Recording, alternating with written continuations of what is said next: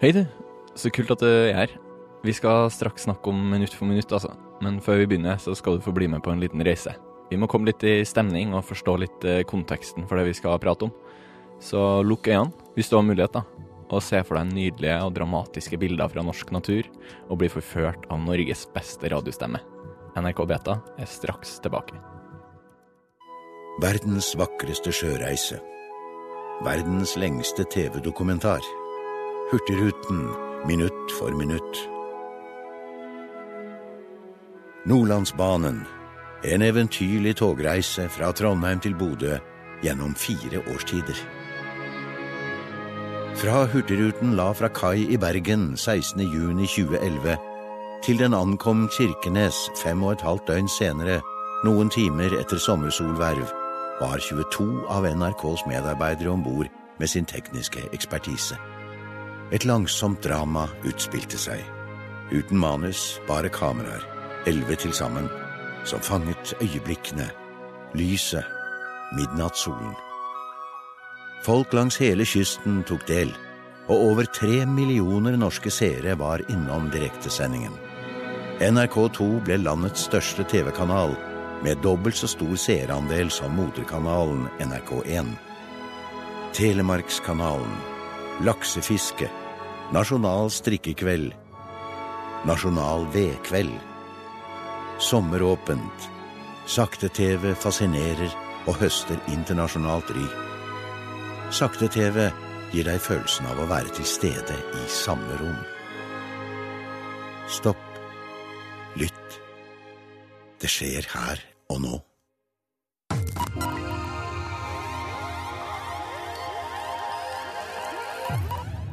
Hei og velkommen til NRK Betas podkast, episode 16. Mitt navn er Ståle Grut, jeg er journalist her i NRK Beta, og i dag skal vi snakke om sakte-TV. I mai skal nemlig NRK sende direktesendt TV en hel dag fra verdens sterkeste tidevannsstrøm, Saltstrømmen i Bodø.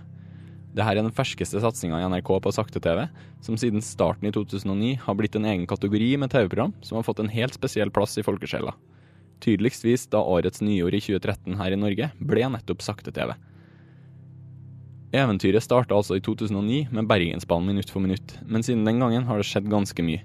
Bær over med meg nå når jeg skal prøve å gjennomgå alle satsingene våre på sakte-TV de siste årene etter Bergensbanen. Vi tok nemlig Flåmsbanen og Hurtigruta. Vi fiska laks i Gaula. Vi tok Telemarkskanalen og Nordlandsbanen. Deretter varma vi oss med Nasjonal vedkveld. Vi kasta loss med sommerbåten. Vi tok tempoet ned litt med Nasjonal strikkekveld. Frank Aarebrot ga oss 200 år på 200 minutter. På grunnlovsjubileet så hadde vi 1814 på 24 timer. Vi tok oss tid til litt fuglekikking med peepshow. Vi sang oss gjennom salmeboka minutt for minutt. Vi oppsummerte krig på 200 minutter, og tok nok en gang en tur med sommerbåten. Innimellom her så har NRK laga Birkebeinerløypa, Bybanen i Bergen, Holmenkollbanen i Oslo og Gråkallbanen i Trondheim minutt for minutt. Men nytt i år er altså Saltstraumen minutt for minutt. Jeg sitter her med journalist i NRK Beta, Henrik Lid, og prosjektleder og fotograf i NRK Hordaland, Thomas Hellum. Du er minutt for minutt-generalen her i NRK, og nå er jeg litt spent. da. Fikk jeg med meg alt, egentlig? Ja, nå kan jeg bare gå. Dette var ja. en fantastisk oppramsing. Herlig å høre sånn Men det har skjedd, tenk så mye som har skjedd siden 2009. Det er jo helt uh, vanvittig. Men uh, jo, jeg tror du fikk med alt. Ja, riktig. Så flott. Kan du, kan du fortelle litt hva, hva, minutt for minutt egentlig er, og hvordan det kom i stand? Det kom jo i stand bare med en uh, tilfeldighet og uh, kantinepreik, og uh, at man tuller litt med dumme ideer mens man har lunsj. og for å være helt alvorlig, så var det en redaktør hos oss som i slutten av mars i 2009 så sa han hva om vi laget en utrolig lang radiosending som markerte den tyske invasjonen i Norge i 1940. Uh, og at vi liksom rapporterte fra det riktige stedet til det riktige tidspunktet gjennom hele natt til 9. april og laget en fantastisk radiosending som om det var i 1940. Kjempegod idé, men det var liksom bare to uker før 9. april. Så det var ikke tid til å gjennomføre det. Og så ble vi sittende rett og slett og tenke på hva andre ting er det som tar lang tid, og hva andre historier er det du kan fortelle mens det skjer, i den tiden det faktisk tar. Uh, og siden dette var 2009, så var Bergensbanen 100 år, og så holdt vi på med en sånn vanlig kjedelig dokumentar. Nei, ikke kjedelig, det var en veldig fin dokumentar om uh, Bergensbanen, men det var litt sånn friskt i minnet. Og da var det en av oss liksom ja, men hvorfor setter vi ikke bare det som et kamera på toget? Hvorfor opplever vi ikke hele turen? Hvorfor lager vi ikke hele reisen til, til, til en dokumentar? Og så ringte vi til uh, våre høye herrer og damer i hovedstaden og spurte om vi kunne få lov å lage en lang dokumentar. Men de skjønte først ikke hva vi mente da. Uh, om, om, ja, men hvor lang blir sendingen, og hvor lang blir programmet, og hva skal vi gjøre, og hvordan skal det se ut? Og, ja, skal, det skal være alt. Og så, når de da hadde ledd fra seg, en litt sånn fin eh, positiv latter, så har jeg hørt siden da at de, eh, de, diskuterte dette, om vi skulle få penger, om vi skulle få gjøre det og sånn. Det er dem som bestiller program her i NRK? De som bestiller og som gjør Vi må jo ha lov til å putte ting på skjermen og sånt. Og, og da diskuterte og de snudde diskusjonen fra ikke hvor risikabelt er det for NRK å sende noe crazy på TV, men hvor risikabelt er det for NRK å si nei til en crazy idé som kommer innenfra. Mm. Og så kom de til liksom at det var det siste som var skumlest. Og da er det egentlig ikke så farlig å gjøre noe rart på en TV-kanal. Vi har 364 dager ellers i året hvor vi kan gjøre de vanlige tingene. Nå gjør vi noe litt rart, og så ser vi hvordan det går. Men vi trodde jo ikke at det skulle bli noe suksess på noe som helst måte. Vi trodde at dette skulle bli født TV for 2000 tognerder i Norge. Mm. Punktum. Eh, hvordan har, har produksjonene utvikla seg? Ser du mye forskjell fra første gangen dere holdt på, til, til f.eks. hvordan dere legger opp Saltstraumen? Ja, altså Hvis noen hadde sagt i 2009 at om uh, eh, 20 år så skal dere eh, lage sakte-TV fra Flo og Fjære, så hadde jeg jo sagt at det skal vi ikke. Men det skal vi nå. Uh, så liksom uh, hva som er en hva som er en crazy idé, eller hva som er noe gøy å strekke seg etter, det har jo forandret seg veldig. Men i bånn så ligger det jo på en måte at det skal være en, en ekte god historie å fortelle. Det skal ikke være maling, tørke eller eh, hva som helst. Det skal være en, en, historie som er viktig for å fortelle, sånn, i, i, sånn med NRK-brillene på. Eh, og så eh, skal det være fettprodusert med alt det gøye vi kan komme på av eh, tekniske ting og i HD og fint og vakkert og stabilt og lekent og alt sånt.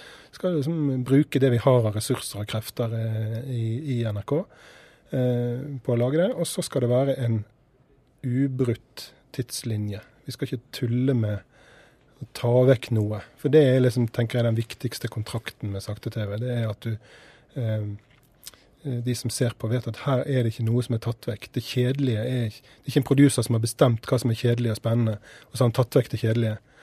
Her er liksom alt med, og så må du som seer sjøl finne ut hva er det som er kjedelig, og hva er det som er spennende. Og det er veldig forskjellig fra de som ser på. Så noen lener seg tilbake og, og ser på sakte-TV som et vakkert maleri på stueveggen eller eh, sånn, og andre sitter helt frampå stolen og er liksom wow, interessert. Hva er det som eh, ja, hva kan jeg oppleve nå, og hva er bak neste sving, og alt dette. Og så er det det at de aller fleste av de vi har laget, er live. Sånn at eh, ikke bare er hele tidslinjen der, men det er også direkte. Sånn at det kan skje noe. Mest sannsynlig så skjer det ikke en dritt, for sånn er det jo ellers i livet òg. Men det kan skje noe fordi det er direkte. Det kan dukke opp noe spennende, det kan komme noe rundt bak neste sving, og det vet verken de som produserer eller de som ser på, og det er litt av kontrakten. Mm det kan være en del uventa ting og vanskelig å planlegge for alt. Du Henrik, du har vært med på noen av de produksjonene her, og du har også jobbet en del med, med ting som skjer på Saltstraumen. Hva hva er din erfaring med minutt-for-minutt-produksjon? Når jeg tenker på minutt for minutt-produksjon, så tenker jeg jo at lekenhet er en veldig stor del av det. Altså det er en sånn, i hvert fall i NRK-sammenheng, litt spesielt produkt fordi at det ikke er bare broadcasting. Altså De fleste store produksjoner i NRK er med, er, er ganske sånn fastspikra på hva type teknologi som blir brukt, og hvordan det brukes. Men her er det en sånn salig blanding. Plutselig dukker HD1 og HD2 opp, selvfølgelig.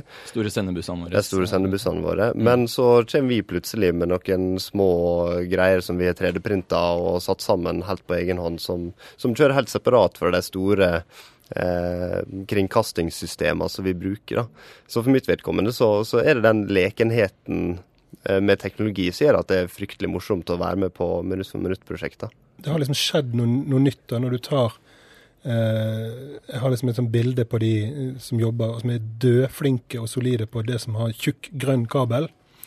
Eh, og når du tar de eh, folka der, og så parer du med sånne som Henrik, som er mer i retning strikk og binders og import fra Hongkong.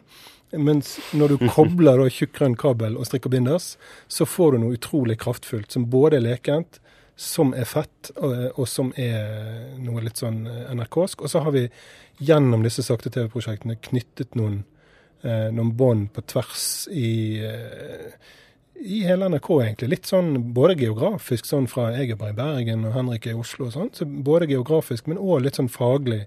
Eh, brukt, eh, brukt sakte-TV som arena til å knytte noen nye bånd og finne opp noen nye ting. Og mye av det vi har gjort i sakte-TV-prosjektene, er liksom plukka opp igjen i, i andre produksjoner eh, seinere. Sånn sett så er det, er det viktig eh, internt da, tenker jeg. Men det er klart det viktigste er hva vi, hva vi tilbyr publikum. Du snakker om det her med feiling og det å tørre å feile. Har, har, det vært mye som har gått skeis eh, underveis i de forskjellige produksjonene? Ja, men så er det jo det deilige at det er jo Du har jo så mange timer. Og om du gjør feil i time én, så kan du rette opp igjen i time to. og det du så, ja, Fikk vi ikke det til å virke i time to, så kommer det sikkert til time fem. Altså Det er jo dette med at det er jo så det så avslappa. Det er så lite sånn uh, gira på at det er, sånn, det er nå. Uh, og det gjør det utrolig deilig å jobbe med det, og, uh, og spennende. Så er det Da er det lov til å ha læring. Uh, eneste jeg kommer på nå, var sånn Første sommerbåten i 2013 så hadde Beta-gjengen her med, laget vi skulle ha radio på TV. Vi hadde med Kveldsåpent i et studio om bord i sommerbåten. Og så skulle vi prøve å få det ut på TV med sånn GoPro-kamera som var festa på mikrofonen, og alt var litt sånn ja, strikk og binders-aktig og sånn. Jeg tror vi klarte å få to eller tre sendinger. Vi holdt på i syv uker med Sommerbåten. Det var kanskje to, to, eller tre av de sendingene som faktisk kom på luften. Mm. Men de testene som ble gjort der, det er jo det som er forløperen til P3 Morgen, som er på luften hver eneste dag nå, med fantastisk kvalitet. Sant? Så det å ha en arena å få leke eh, i virkeligheten, og ikke bare sånn teoretisk, men faktisk teste ut ting, det er, ja, det er både morsomt og bra for NRK. Hva gjør det på en måte med altså, f.eks. klippeteknikk og sånne ting? Du, du holdt et uh, foredrag på et TED-talk om, om, det her, hvor du snakker med det, og, det å på en måte holde bildet sånn at seerne skaper historiene hos seg selv. Det, har det vært en utfordring i møtet med tradisjonelle TV-produksjonsmåter? Det er jo ikke naturlig å holde et bilde i ti minutter. Mm. For folk som har jobba en stund med TV, så er jo det det motsatte. Eh, men, eh, men, eh, men, det skjer noe. Så det å merke at det skjer noe når bildet står en stund, da begynner du plutselig å se andre ting i bildet. Du leter etter andre detaljer. Og når du begynner å lete, så begynner du å tenke. Og når du begynner å tenke, så flyger, flyger, tankene dine en annen vei, og så er det plutselig du sjøl som sitter og ser på, som har lagt en historie inn i bildet som ikke er der, eh, og som kanskje du ikke ville tatt hvis det på en måte bare var knipsa forbi.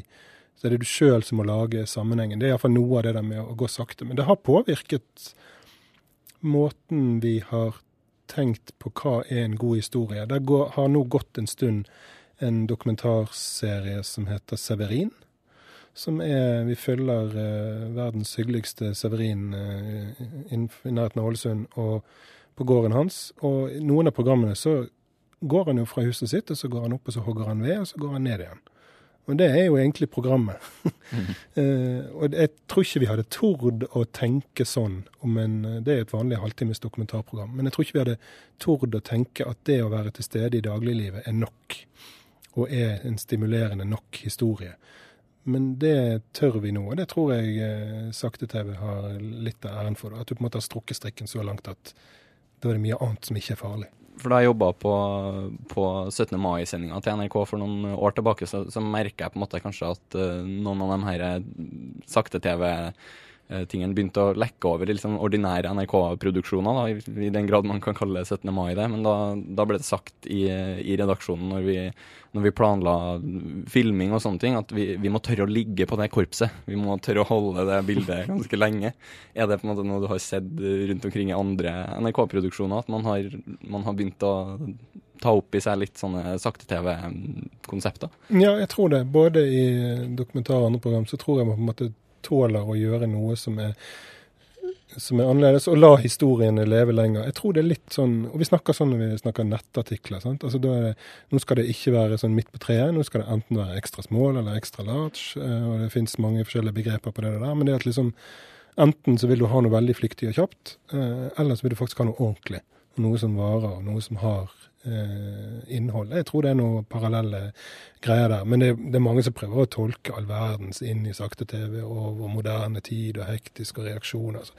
Jeg klarer ikke helt det. Jeg holder egentlig på med noe som jeg syns som er artig, og så får andre tolke det i noe slags samfunnsretninger. Men det, det er sikkert en reaksjon på noe som eh, har vart en stund, og så kommer det en pendelbevegelse som går andre veien. Mm. Det, dette her er jo det er et sånt utrolig kjent klipp med han eh, Ja, meg og navn. Superkjent sportsfyr. Men sånn, det der bildet ut på femmila som bare ligger og venter på et tre.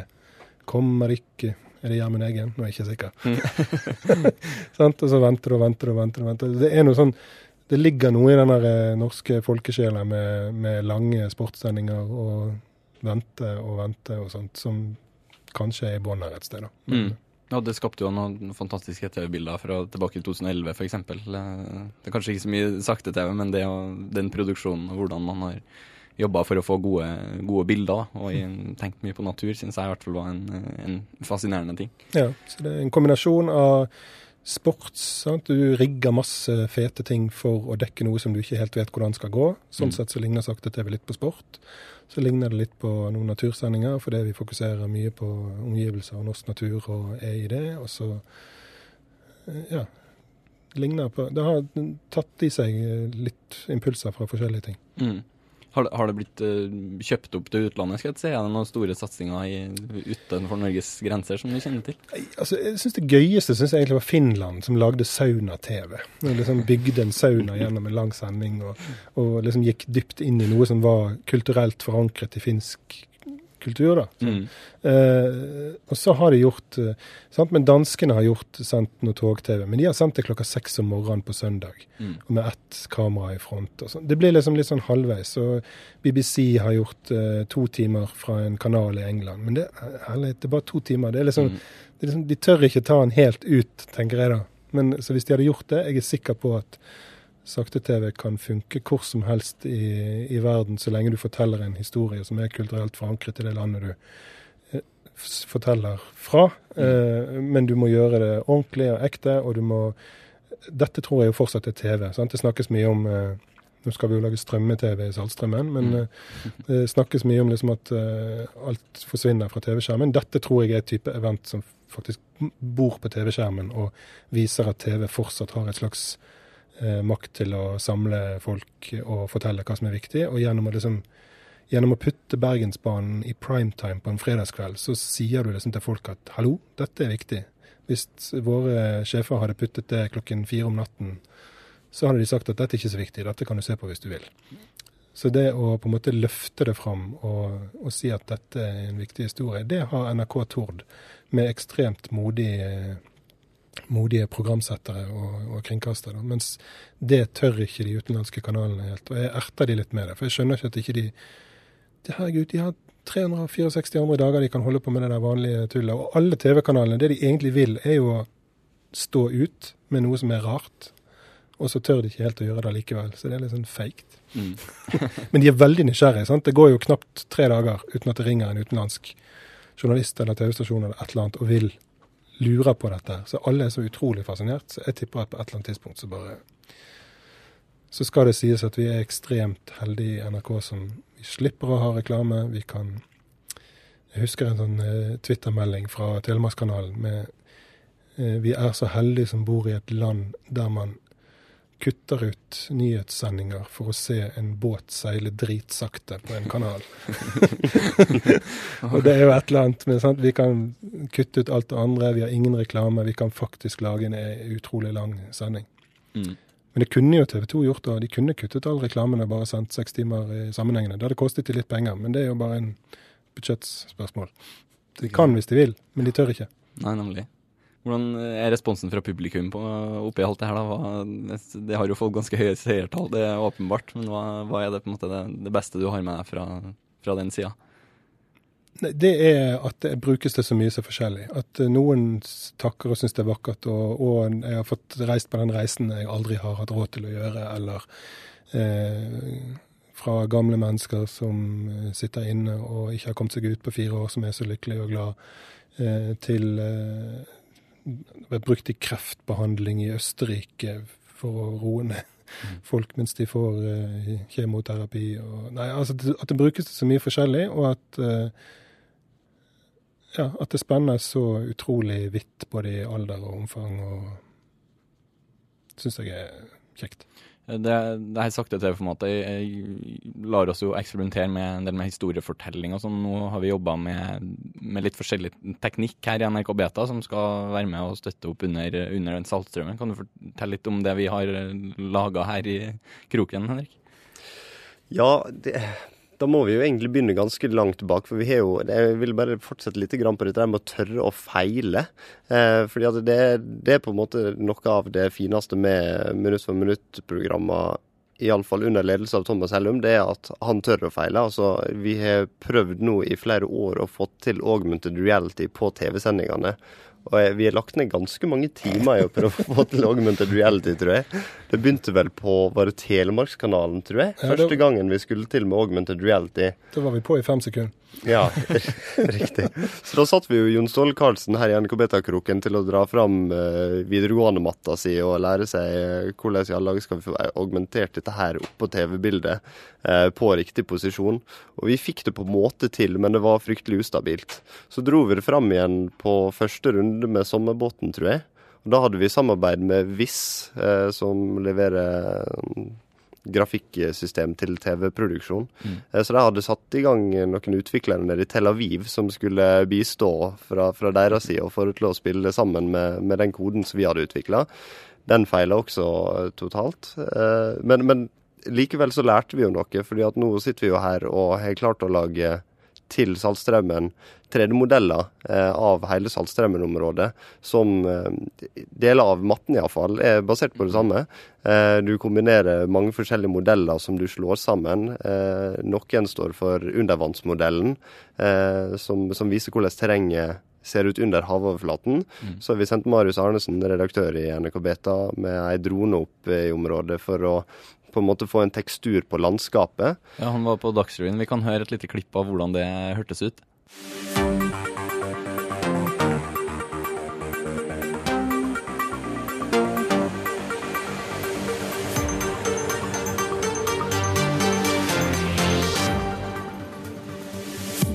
Om en måneds tid så skal NRK sende tolv timer direkte, minutt for minutt, fra nettopp Saltstraumen. I dag ble det gjort en ganske så luftig inspeksjon av omgivelsene. Nå er egentlig planen opp å eh, lage en sånn 360 kule av området her. Vi skal ha flere sånne kuler som skal bli en interaktiv greie på weben. I tillegg til å lage 360-gradersbilder med dronen, skal saltstrømmen kartlegges meter for meter over 1000 bilder skal tas. Vi skal også lage en 3D-modell av, av, området her. Vi har fått en 3D-modell altså under vann av selve saltstrømmen, og så trenger vi noe mer 3D-modell av området rundt. Så Vi driver på å ta masse stillbilder av, av, området som skal settes sammen rett og slett til en 3D-modell som, som, også skal bli interaktiv på, på weben, er målet i forbindelse med saltstrømmen minutt for minutt. da. Ja, Sånn var det når Marius var oppe i, i Saltstrømmen og tok bilder med droner. Og så er vi jo i tillegg da 3D-modellert den brua som går over Saltstraumen i et 3D-modelleringsprogram, og pusher det inn i modellen. Eh, så, så, vi har på en måte laga en komplett 3D-visualisering av hvordan området ser ut. Eh, som vi da det blir så dritfett. Det blir så kult. ja, det ser ganske bra ut. eh, men i tillegg til det så har vi jo bl.a. bygd en liten Hvis du følger oss på Snapchat, så har du sett at vi driver og bygger en liten eh, undervannsrobot, eller en undervannsdrone eller ubåt, eller hva du vil kalle det, eh, som i teorien kan gå ned på 100 meter. Eh, og fjernstyres med over en bitte liten tynn kabel eh, opp til land. Så da sitter vi da med en PlayStation 2-joystick og styrer den, eh, den undervannsdronen, som kan være ganske langt unna, men vi får et live bilde direkte tilbake eh, fra den. Mm. Som vi da kan klippe til i den store kringkastingsbussen vår. Ja, ikke sant. Og det er viktig da at selv om den undervannstråden nå, som eh, Henrik og Jon Ståle har brukt timevis på å sette sammen, selv om den skulle gå i fjellveggen nå etter, etter tre minutter, så, så, har det vært viktig, utrolig viktig læring fram til ditt. Så selv om man bare skulle levere noen sekunder med bilder, så er, ikke, så er det ikke bortkastet. Så det er den der at uh, Sånn klisjé med veien er målet, men det, du får utrolig mye lærdom ut av det. altså. Ja, for det er en helt hjemmebygd uh, Open Rove, som det heter. som en sånn ja, et byggesett, et byggesett som, som, vi kjøpte. altså da, da, kom jo alle de ulike små hundrevis av akryldelene kom hver for seg. Måtte ta av teipen på dem. Eh, bruke akrylsement og, og, sette det sammen. Lodde sammen alt av kabler. Eh, strippe av eh, plastdeksel på, eh, på sånn ferdige webkamera som de leverte med, så du måtte på en måte ta fra hverandre før du kunne lodde det på eh, saker og ting. Så og det dere var i bassenget på vi var i bassenget på Marienlyst skole. Før vi dro i bassenget på Marienlyst skole, så kjøpte vi en sånn trykkpumpe som du egentlig bruker for å lufte bremse. Eh, bare for å sjekke om den sånn teoretisk setter tett. Da tok vi undertrykk i, i, uh, i, boksen og så om den klarte å holde på trykket, for da, da er du i teorien tett. Og det, det var den, så da, da turte vi å sende den ut i bassenget, og også der var den tett. Ja, det funka ganske bra. Vi skal få se en del eh, bakommateriale på det her på NRK Beta etter hvert som eh, Saltstrømmen eh, begynner å vise seg på skjermen også. Hva er på en måte det, det du gleder deg mest til med, med Saltstrømmen nå? Livet er best når det er over. Nei, akkurat nå er det jo rett før, så nå er Nå er jeg litt sånn spent på at alt skal funke og sånn. Det er klart du jeg har jo lagt eh, listen høyt og sånt. Eh, og vi skal ha et svært sånn wire-cam eh, over hele strømmen. Det er det lengste strekket vi har hatt med wire-cam. Det er nesten en kilometer. Mm. Eh, så å få det på plass, og at ikke det kommer noen båter som er for høye og tar borti det, og at søknaden til Kystverket og blablabla, Masse sånn utenom dritt mm. som må på plass, og som uh, forhåpentligvis gjør at alt uh, spiller til slutt. Så, men jeg gleder meg til å stå der uansett vær. Og høre og se de kreftene som er der, og bare, bare fokusere på én ting i tolv timer. Det er jo fantastisk. Tusen takk for at dere tok dere tid i hektiske forberedelser til Saltstrømmen. Thomas Hellum i NRK Hordaland og Henrik Lid her i NRK Beta. For dere som er mer nysgjerrig på Minutt for minutt, så anbefaler vi sterkt Thomas sin TED-talk om fenomenet. Den skal vi lenke til på nrkbeta.no ganske snart. Mitt navn er Ståle Gruth, og jeg anbefaler alle å merke av Saltstrømmen-sendinga den 7. mai i kalenderen allerede nå. Vi høres.